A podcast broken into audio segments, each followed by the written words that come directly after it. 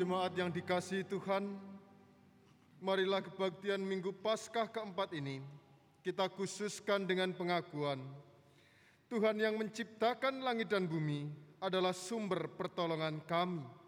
Oleh karena itu, kasih karunia dan damai sejahtera dari Allah Bapa dan dari Tuhan Yesus Kristus ada pada saudara sekalian. Amin.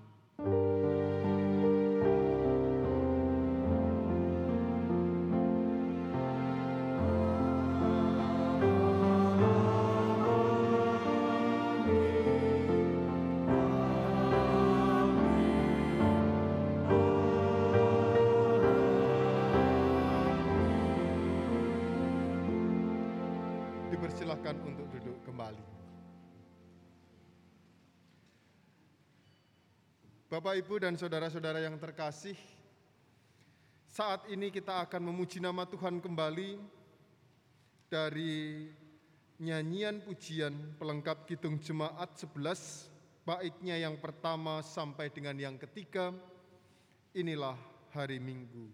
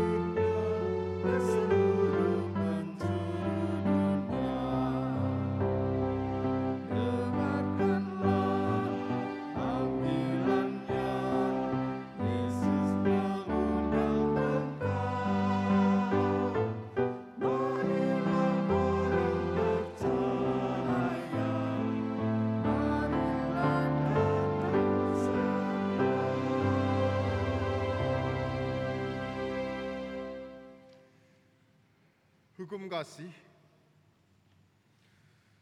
Jawab Yesus kepadanya, Kasihilah Tuhan Allahmu dengan segenap hatimu dan dengan segenap jiwamu dan dengan segenap akal budimu. Itulah hukum yang terutama dan yang pertama. Dan hukum yang kedua yang sama dengan itu ialah kasihilah sesamamu manusia seperti dirimu sendiri. Pada kedua hukum inilah tergantung seluruh hukum Taurat dan kitab para nabi.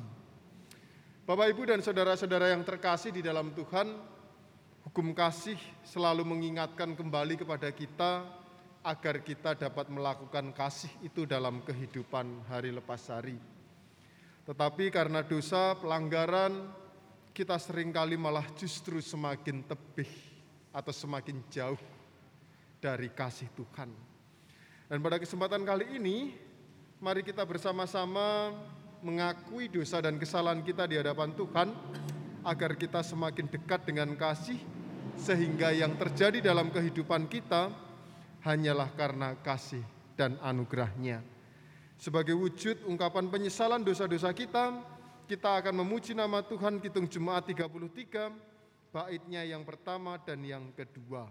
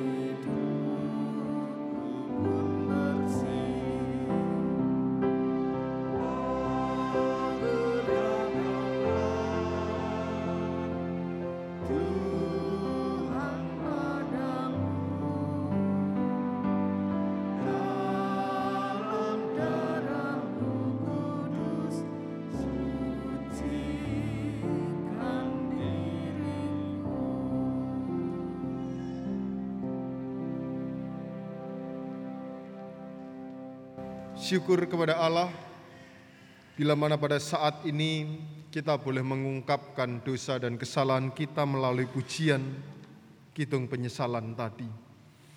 Dan sebagai bentuk respon atas pengakuan dosa-dosa kita di hadapan Tuhan, saat ini Tuhan berkenan memberikan anugerahnya dan petunjuk hidup baru agar kehidupan kita senantiasa dapat diperbaharui. Berita anugerah dan petunjuk hidup baru yang kita terima pada kesempatan kali ini diambil dari Injil Yohanes 11 ayat 25 dan 26 yang demikian firman-Nya. Jawab Yesus, Akulah kebangkitan dan hidup. Barang siapa percaya kepadaku, ia akan hidup walaupun ia sudah mati. Dan setiap orang yang hidup dan yang percaya kepadaku tidak akan mati selama-lamanya. Percayakah engkau akan hal ini? Bapak, Ibu, dan saudara-saudara yang terkasih, berita anugerah dan petunjuk baru mengingatkan kembali tentang arti sebuah keyakinan, di mana melalui suratnya kita dapat melihat bahwa Yesus yang telah mati dan bangkit, tentu hal itu membuat kita, orang-orang percaya, beroleh keselamatan. Ini merupakan sebuah ajakan agar kita senantiasa tetap yakin kepada Tuhan, Sang Sumber Keselamatan yang agung. Dan marilah pada kesempatan kali ini kita bersama-sama merespon berita anugerah dan petunjuk hidup baru yang telah kita terima dengan nyanyian kesanggupan Kitung Jemaat 392 baitnya yang pertama dan yang kedua kami mohon jemaat untuk berdiri.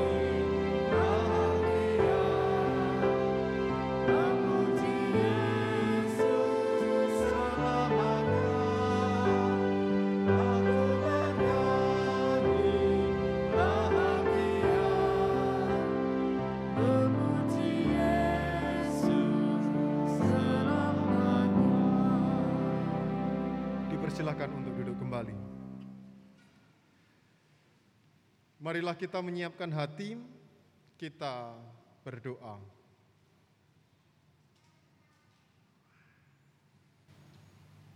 Tuhan Allah Bapa Surgawi, saat ini kami bersama-sama datang di hadirat-Mu yang kudus. Kami membangun persekutuan di dalam ibadah, dan biarlah atas penyertaan Tuhan, saat ini kami boleh merasakan damai dan sukacita. Oleh karena itu pada kesempatan kali ini kami hendak berdoa untuk setiap para pelayanmu yang terlibat aktif di dalam pelayanan di GKJ Meregangsan. Mulai dari kami yang ikut ambil bagian di dalam kemajelisan, bidang-bidang, komisi, tim, termasuk juga tenaga kantor serta tenaga keamanan.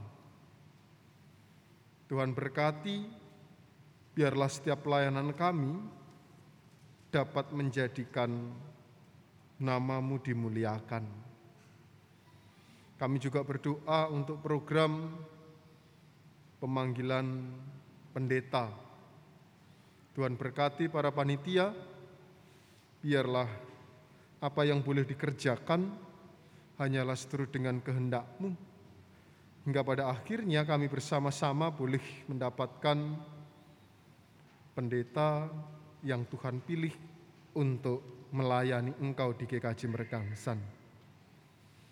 Terlebih khusus bagi saudara-saudara kami yang ada dalam kondisi sakit, lemah fisik karena usia lanjut, ataupun memasuki pemulihan kesehatan. Tuhan berkati agar kam, agar saudara-saudara kami boleh merasakan kekuatan serta kesehatan yang daripada Tuhan melalui setiap obat-obatan, perawatan medis, ataupun sarana kesehatan yang lainnya.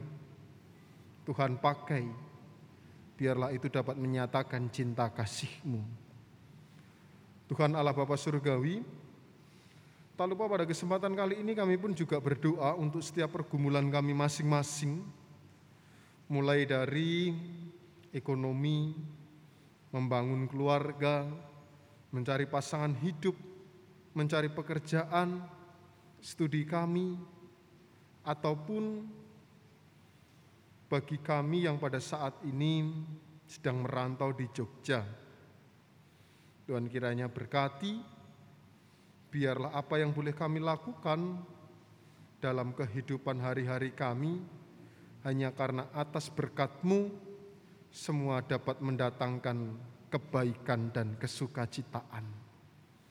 Kami mau menyerahkan setiap pergumulan kami dalam tangan kasih Tuhan, biarlah hanya kehendak-Mu yang dinyatakan. Ya Allah, Bapa Surgawi, saat ini kami juga berdoa untuk kehidupan bangsa Indonesia. Tuhan kiranya memberkati, biarlah melalui bangsa Indonesia namamu dimuliakan. Setiap program yang dilakukan, setiap tanggung jawab yang dikerjakan, biarlah itu dapat menjadikan kami semakin menghayati cinta kasih Tuhan, baik dalam membangun ikatan emosional dengan saudara-saudara kami, ataupun bersama-sama dapat menjalin relasi sehingga bangsa Indonesia ini semakin hidup di dalam persatuan dan kesatuan. Kami mau menyerahkan bangsa Indonesia sepenuhnya hanya dalam tangan pengasihanmu. Biarlah kehendak Tuhan dinyatakan. Allah sumber segala berkat. Tak lupa pada kesempatan kali ini kami pun juga berdoa untuk saudara kami yang sedang ada dalam kondisi kedukaan karena engkau boleh memanggil almarhumah Ibu Anjarwani. Tuhan berkati keluarga yang ditinggalkan, dan Tuhan berkati agar keluarga yang ditinggalkan beroleh kekuatan dan penghiburan. Dan pada kesempatan kali ini kami bersama-sama hendak menerima firman Tuhan. Biarlah rohmu yang kudus memampukan kami untuk dapat menerima firman-Mu, serta menjadikan firman itu sebagai kekuatan dalam kami menjalani kehidupan ini. Berfirmanlah ya Allah kami siap mendengarkan, hanya di dalam nama Tuhan Yesus Kristus kami berdoa dan mengucap syukur. Amin.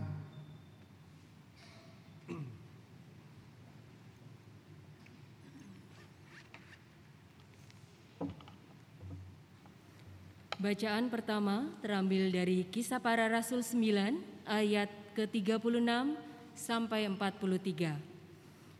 Di Yope ada seorang murid perempuan bernama Tabita, dalam bahasa Yunani Dorcas. Perempuan itu banyak sekali berbuat baik dan memberi sedekah. Tetapi pada waktu itu ia sakit lalu meninggal. Dan setelah dimandikan, mayatnya dibaringkan di ruang atas. Lida dekat dengan Yope. Ketika murid-murid mendengar bahwa Petrus ada di Lida, mereka menyuruh dua orang kepadanya dengan permintaan, "Segeralah datang ke tempat kami." Maka berkemaslah Petrus dan berangkat bersama-sama dengan mereka. Setelah sampai di sana, ia dibawa ke ruang atas dan semua janda datang berdiri dekatnya dan sambil menangis mereka menunjukkan kepadanya semua baju dan pakaian yang dibuat Dorcas waktu ia masih hidup. Tetapi Petrus menyuruh mereka semua keluar, lalu ia berlutut dan berdoa. Kemudian ia berpaling ke mayat itu dan berkata, "Tabita, bangkitlah."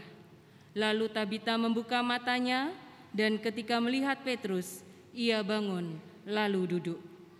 Petrus memegang tangannya dan membantu dia berdiri.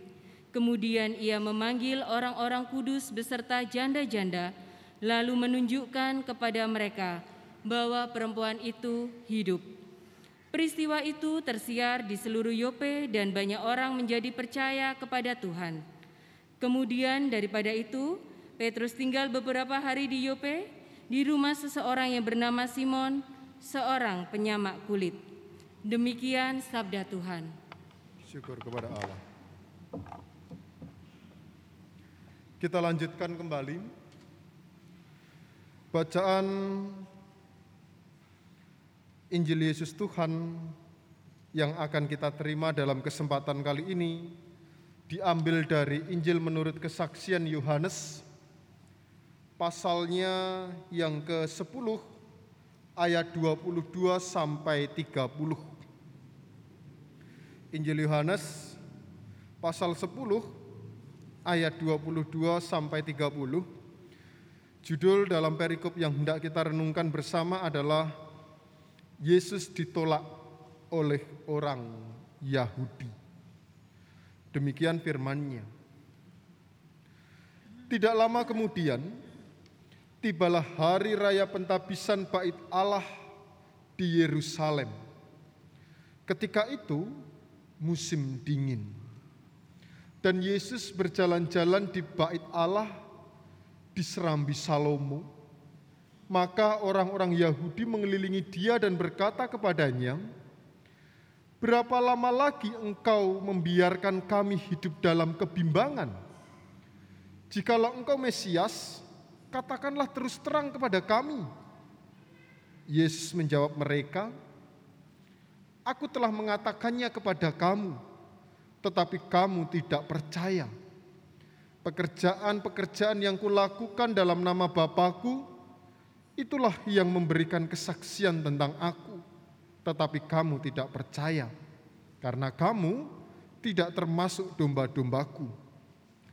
Domba-dombaku mendengarkan suaraku, dan aku mengenal mereka, dan mereka mengikut aku, dan aku memberikan hidup yang kekal kepada mereka, dan mereka pasti tidak akan binasa sampai selama-lamanya, dan seorang pun tidak akan merebut mereka dari tanganku. Bapakku yang memberikan mereka kepadaku lebih besar daripada siapa pun, dan seorang pun tidak dapat merebut mereka dari tangan Bapa. Aku adalah Bapa, eh, kami ulangi, aku dan Bapa adalah satu.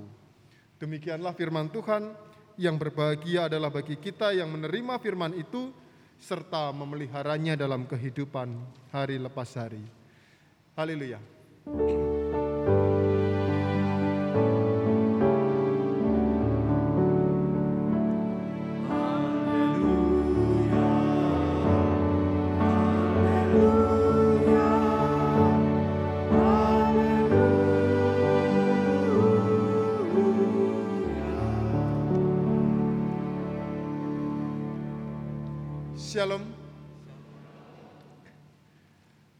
Bapak, Ibu, dan saudara-saudara yang terkasih di dalam Tuhan kita Yesus Kristus,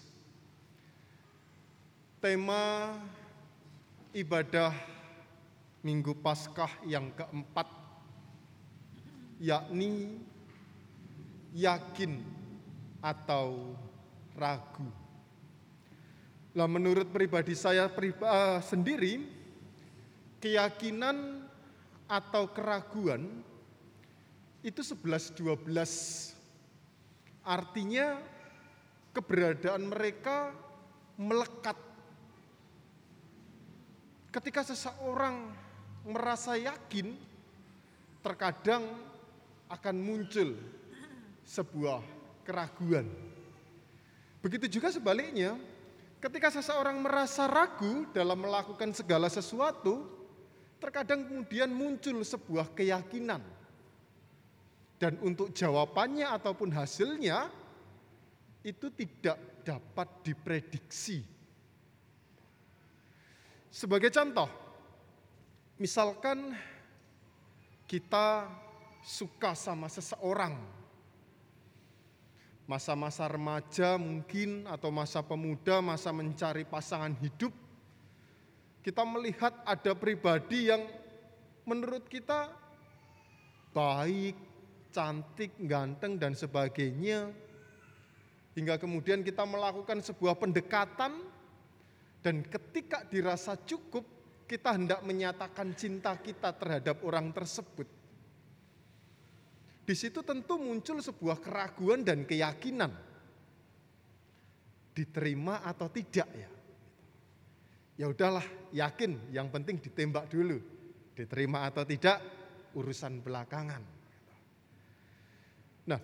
Dalam hal-hal lain, tentu yang namanya keyakinan dan keraguan itu juga muncul dan sering kali kita rasakan dalam kehidupan hari-hari kita.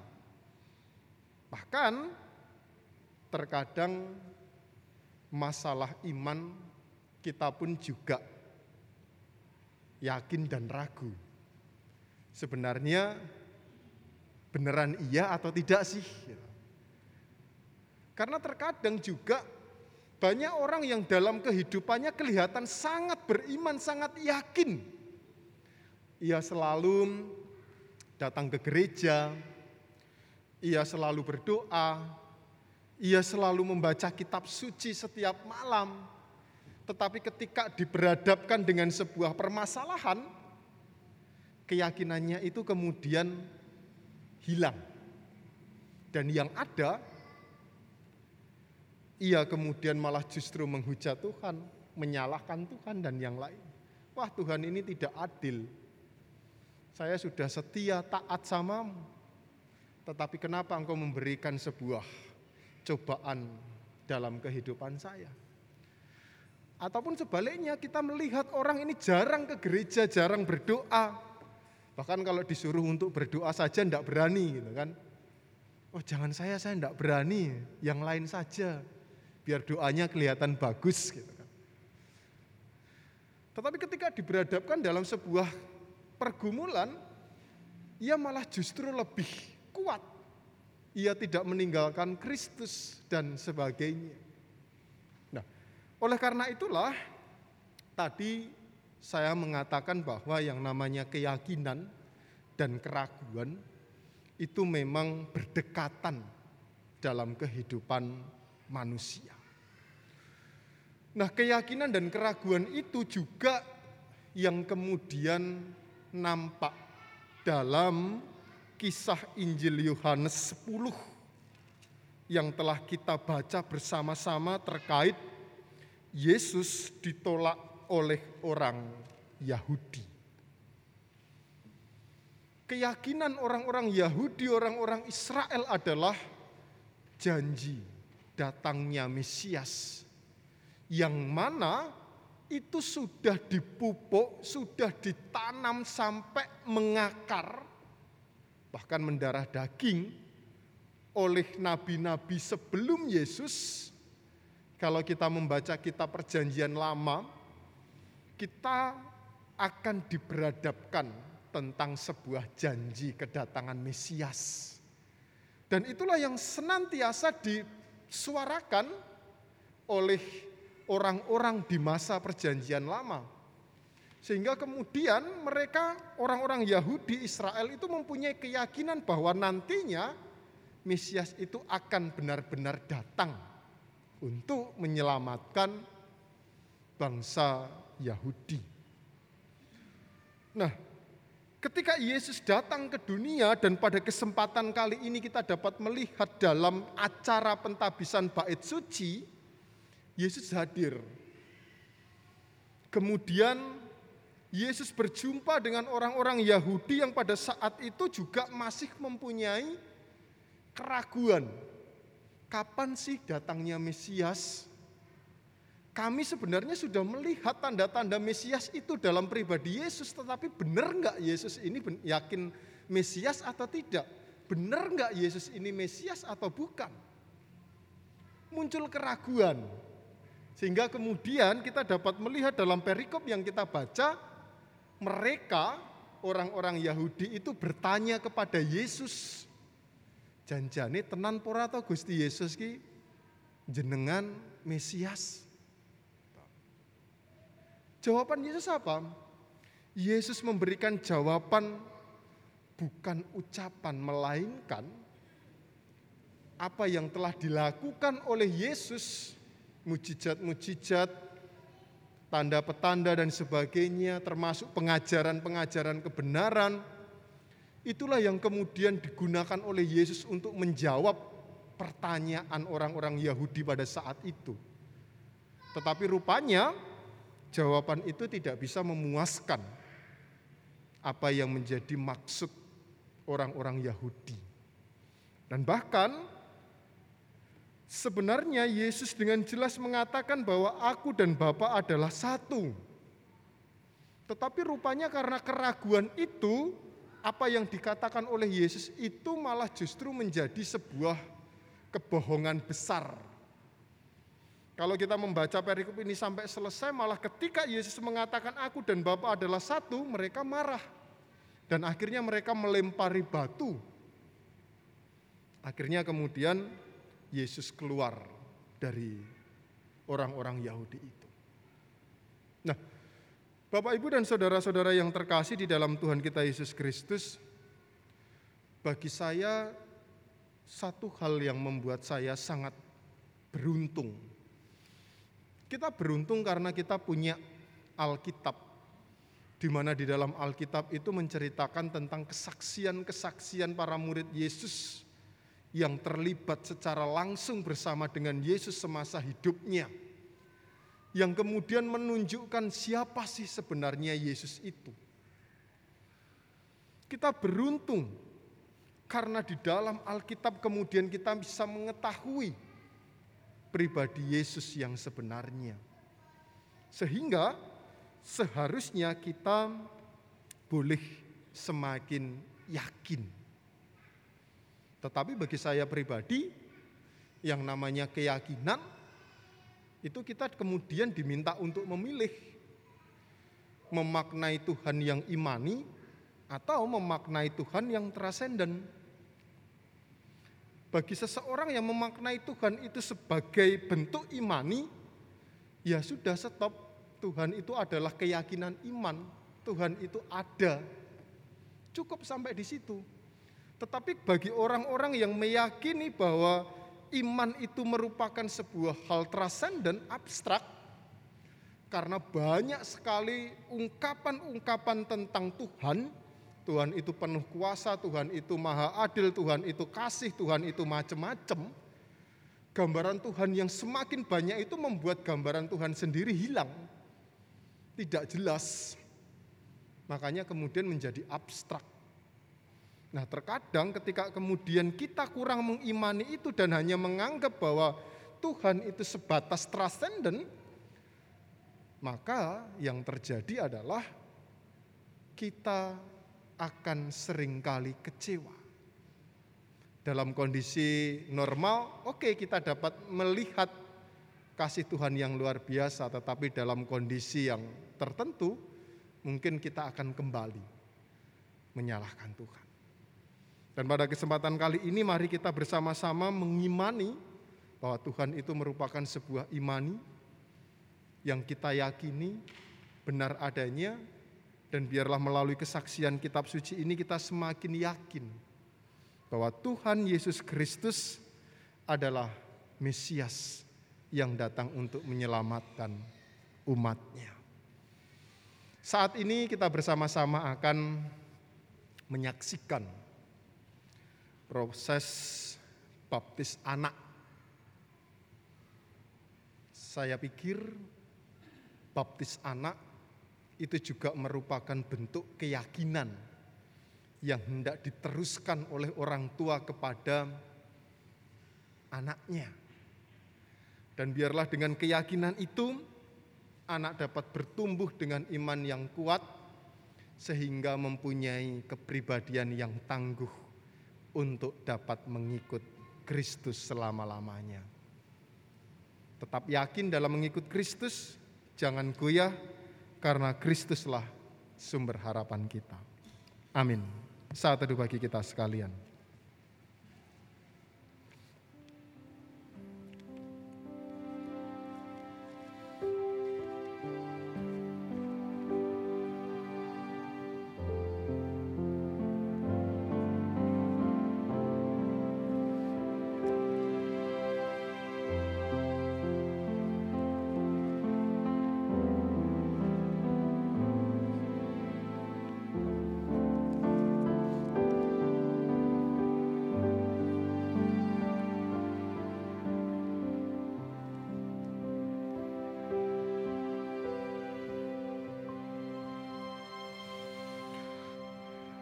Jemaat yang dikasih oleh Tuhan kita Yesus Kristus, sebagaimana yang telah diwartakan dalam warta gereja dan tidak ada keberatan yang sah yang disampaikan kepada majelis gereja, dalam kebaktian ini akan dilayankan sakramen baptis. Pelayanan sakramen baptis didasarkan atas perintah Tuhan Yesus Kristus yakni karena itu pergilah jadikanlah semua bangsa muridku dan baptiskanlah mereka dalam nama Bapa, Anak, dan Roh Kudus, dan ajarlah mereka melakukan segala sesuatu yang telah kuperintahkan kepadamu. Sakramen baptis adalah tanda penyelamatan Allah dan alat pemeliharaan iman dengan air sebagai unsur dasariahnya. Sebagai alat untuk memelihara iman, sakramen baptis menunjuk pertama dengan air Sakramen baptis menunjukkan pembasuhan manusia dari dosanya oleh darah Kristus. Yang kedua, dengan pembasuhan itu sakramen baptis menunjukkan pengampunan dosa. Yang ketiga, dengan pengampuan dosa itu, sakramen baptis menunjukkan pembenaran atas manusia oleh Allah. Yang keempat, dengan ketiga hal tersebut, Sakramen baptis menunjukkan kelahiran baru manusia dari hidup lama yang dijalaninya di bawah kuasa dosa ke hidup baru yang dijalaninya di bawah kuasa Roh Kudus. Dengan demikian, setiap orang yang telah menerima sakramen baptis menjadi anggota tubuh Kristus, yaitu gereja. Anak-anak keluarga Kristen wajib dibaptis sebab mereka juga mempunyai tempat di dalam perjanjian keselamatan bersama-sama dengan orang tua mereka. Oleh karena itu, orang tua wajib membaptiskan anak-anaknya. orang tua yang membaptiskan anak wajib mendidiknya agar sesudah dewasa anak itu menyatakan pengakuan percayanya atau sidi. Oleh karena itu, sebelum kita bersama-sama menyaksikan prosesi baptis anak, kita akan berdoa. Ya Tuhan, kiranya Tuhan berkenan memakai sakramen baptis ini menjadi sarana untuk memelihara iman kami, sehingga kami senantiasa yakin bahwa dosa-dosa kami telah diampuni dan kami menjadi anak-anak Allah yang menjalani hidup baru, mulai saat ini sampai selama-lamanya dalam naungan kasih Kristus yang sejati. Haleluya. Amin. Bapak Ibu yang terkasih di dalam Tuhan kita Yesus Kristus, terlebih khusus untuk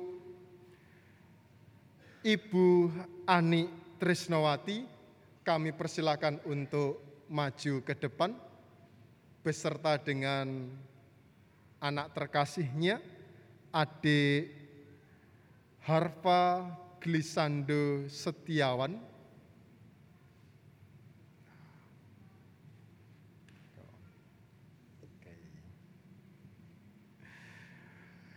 supaya jelas bahwa saudara percaya anak Harpa Glisando Setiawan juga dikaruniai keselamatan serta saudara sanggup mendidik anak saudara agar ketika dewasa ia dapat menyatakan pengakuan percayanya saudara terlebih khusus untuk ibu Ani Trisnowati dipersilahkan menjawab pertanyaan-pertanyaan berikut ini. Yang pertama, apakah Ibu Ani Trisnowati percaya bahwa penyelamatan Allah melalui Tuhan Yesus Kristus yang ditandai dengan sakramen baptis ini juga dikaruniakan kepada anak yang akan saudara baptiskan? Yang kedua, apakah saudara bersedia mendidik anak yang saudara baptiskan agar imannya bertumbuh sehingga ketika dewasa ia berani menyatakan pengakuan percayanya dan menjalani hidup baru? Dan yang ketiga, apakah saudara bersedia menerima segala bentuk penggembalaan berdasarkan Alkitab jika saudara melalaikan tugas mendidik anak yang saudara baptiskan. Bagaimana jawab Ibu Ani Trisnawati? Syukur kepada Allah bila mana pada saat ini kita dapat menyaksikan bersama serta mendengar bersama jawaban dari Ibu Ani Trisnawati di mana ia bersedia untuk membaptiskan putra terkasihnya, dan biarlah itu juga dapat menjadi kesukacitaan yang besar seperti kita saat ini. Bapak, Ibu, dan saudara-saudara yang terkasih di dalam Tuhan, kita akan memuji nama Tuhan terlebih dahulu dari Kitung Jemaat 304 baitnya yang pertama saja.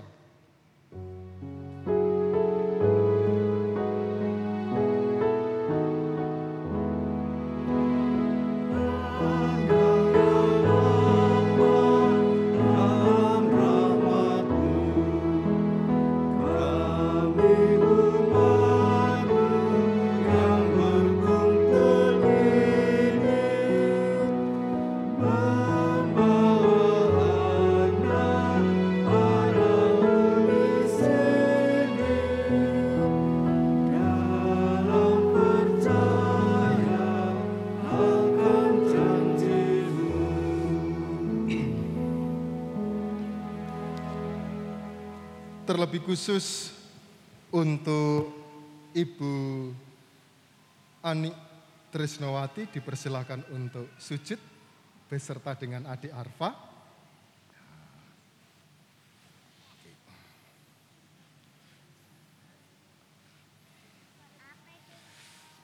Ini buat baptis adik Harfa, oke? Okay? Yang terkasih, anak Harfa Glisando Setiawan, kamu saya baptis di dalam nama Bapa, Anak, dan Roh Kudus. Amin. Dipersilakan untuk berdiri. Sudah ya, dingin kan? Kemudian kepada majelis yang bertugas untuk menyerahkan surat baptis, kami persilahkan. Mau lihat? Air biasa kan?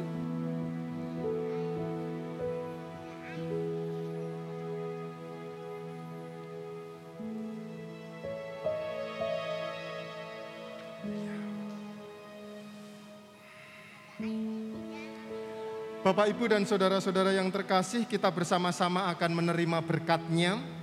Oleh karena itu, Bapak, Ibu, kami persilakan untuk berdiri. Kita akan memuji nama Tuhan terlebih dahulu dari nyanyian Hitung Jemaat baitnya yang kedua tadi.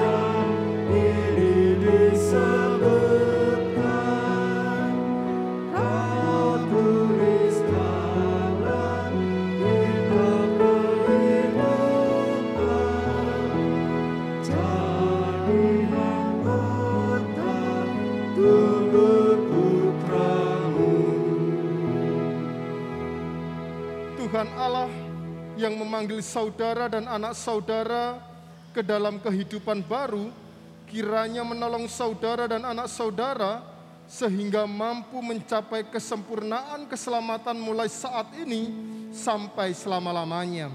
Amin. Dipersilahkan untuk duduk kembali. Dipersilahkan untuk berdiri.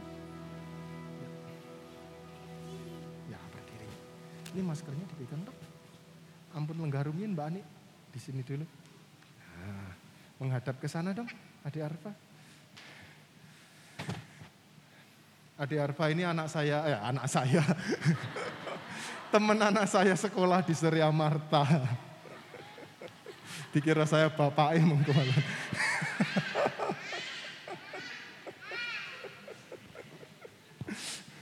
Iya, uh, saudara-saudara yang terkasih di dalam Tuhan kita Yesus Kristus, ini adalah anak Harfam yang telah menerima sakramen baptis anak. Kiranya Tuhan senantiasa memberkati keluarga Ibu Ani dan biarlah anak Arfa dapat bertumbuh menjadi anak yang Tuhan berkati sehingga pada akhirnya kelak dapat menyatakan kepercayaannya. Terimalah, sambutlah, dan bantulah agar keluarga ini dapat mendidik anak dengan ketaatan yang penuh kepada Kristus Yesus. Kita beri aplaus untuk Bu Ani dan monggo dipersilahkan duduk.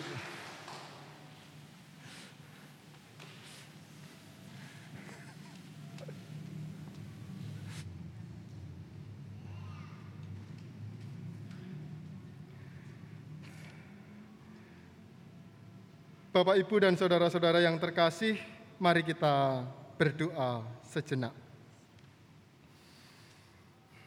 Kami mengucap syukur Tuhan bila mana pada saat ini kami boleh menerima firman-Mu. Firman-Mu mengingatkan kembali agar kami yakin akan Kristus yang telah menyelamatkan kami. Sehingga kami boleh merasakan keselamatan yang daripadamu. Teruntuk pada kesempatan kali ini kami dapat berdoa untuk keluarga Ibu Ani yang telah membaptiskan putra terkasihnya Harpa, biarlah Tuhan berkati dan senantiasa tetap yakin dalam mendidik iman anak sesuai dengan firman Tuhan sehingga anak Harpa boleh bertumbuh untuk tetap mengikut Kristus sampai selama-lamanya. Termasuk juga untuk kami sekalian, biarlah kami boleh tetap meyakini bahwa Kristus adalah sumber keselamatan sehingga tidak ada keraguan dalam kehidupan kami dan kami semakin dilayakkan untuk dapat mengikut Engkau selama-lamanya. Terima kasih Tuhan, hanya di dalam nama Tuhan Yesus Kristus kami berdoa. Amin. Bapak Ibu yang terkasih di dalam Tuhan, mari kita bersama-sama uh, mengikrarkan pengakuan iman kita. Oleh karena itu kami mohon Bapak Ibu Saudara untuk berdiri. Pengakuan iman rasuli. Aku percaya kepada Allah Bapa yang Maha Kuasa, kali langit dan bumi, dan kepada Yesus Kristus anaknya yang tunggal Tuhan kita, yang dikandung daripada roh kudus, lahir dari anak darah Maria, yang menderita di bawah pemerintahan Pontius disalibkan, mati dan dikuburkan, turun ke dalam kerajaan maut. Pada hari yang ketiga, bangkit pula dari antara orang mati, naik ke surga, duduk di sebelah kanan Allah, Bapa yang Maha Kuasa, dan akan datang dari sana untuk menghakimi orang yang hidup dan yang mati. Aku percaya kepada Roh Kudus, gereja yang kudus dan am, persekutuan orang kudus, ngampunan dosa, kebangkitan daging dan hidup yang kekal. Dipersilakan untuk duduk kembali.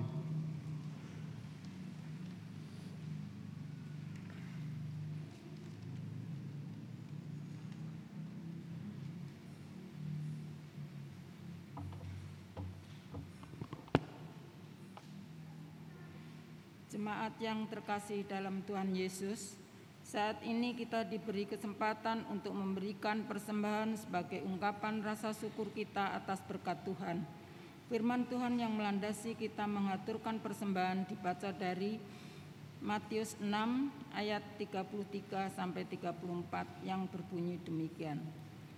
Tetapi carilah dahulu kerajaan Allah dan kebenarannya, maka semuanya itu akan ditambahkan kepadamu Sebab itu janganlah kamu khawatir akan hari besok, karena hari besok mempunyai kesusahannya sendiri, kesusahan sehari cukuplah untuk sehari.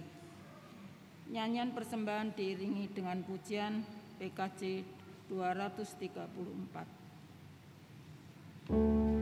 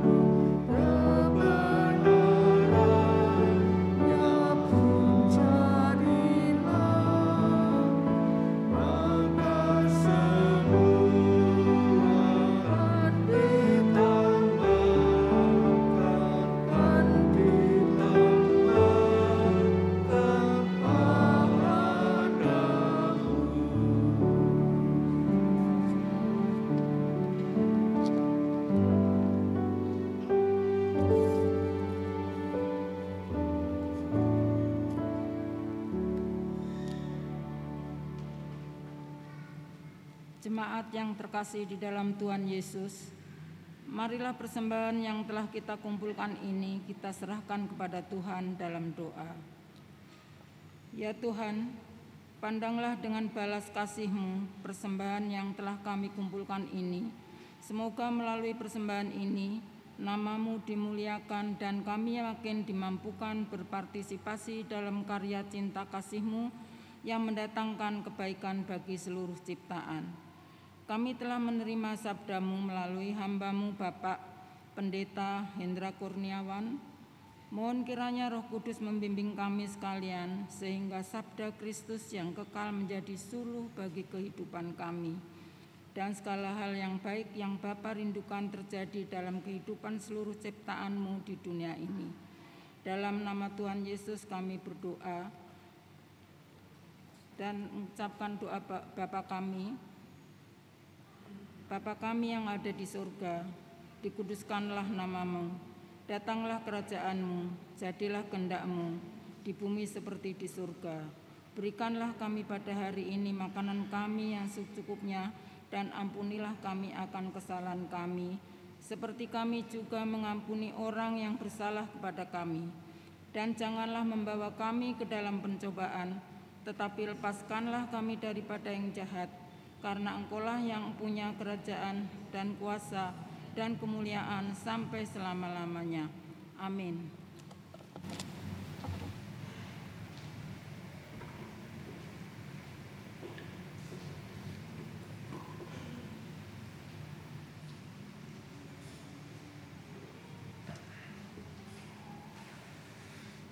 Sebelum kita mengakhiri ibadah kita saat ini, kita bersama-sama akan memuji nama Tuhan kembali dari nyanyian pengutusan pelengkap Kidung Jemaat spek eh, 192 baitnya yang pertama dan yang kedua saja.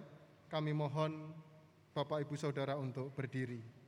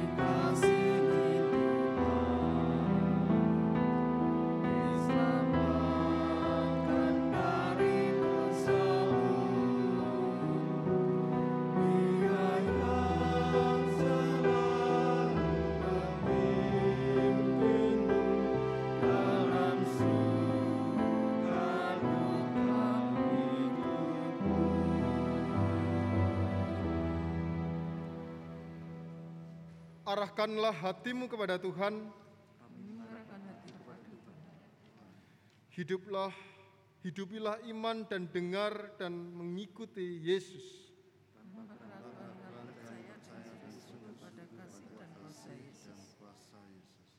Terpujilah Allah Bapa, Anak dan Roh Kudus.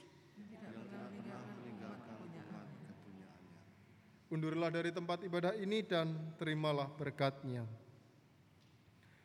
Tuhan memberkati saudara dan melindungi saudara. Tuhan menyinari saudara dengan wajahnya dan memberi saudara kasih karunia. Tuhan menghadapkan wajahnya kepada saudara dan memberi saudara damai sejahtera. Amin.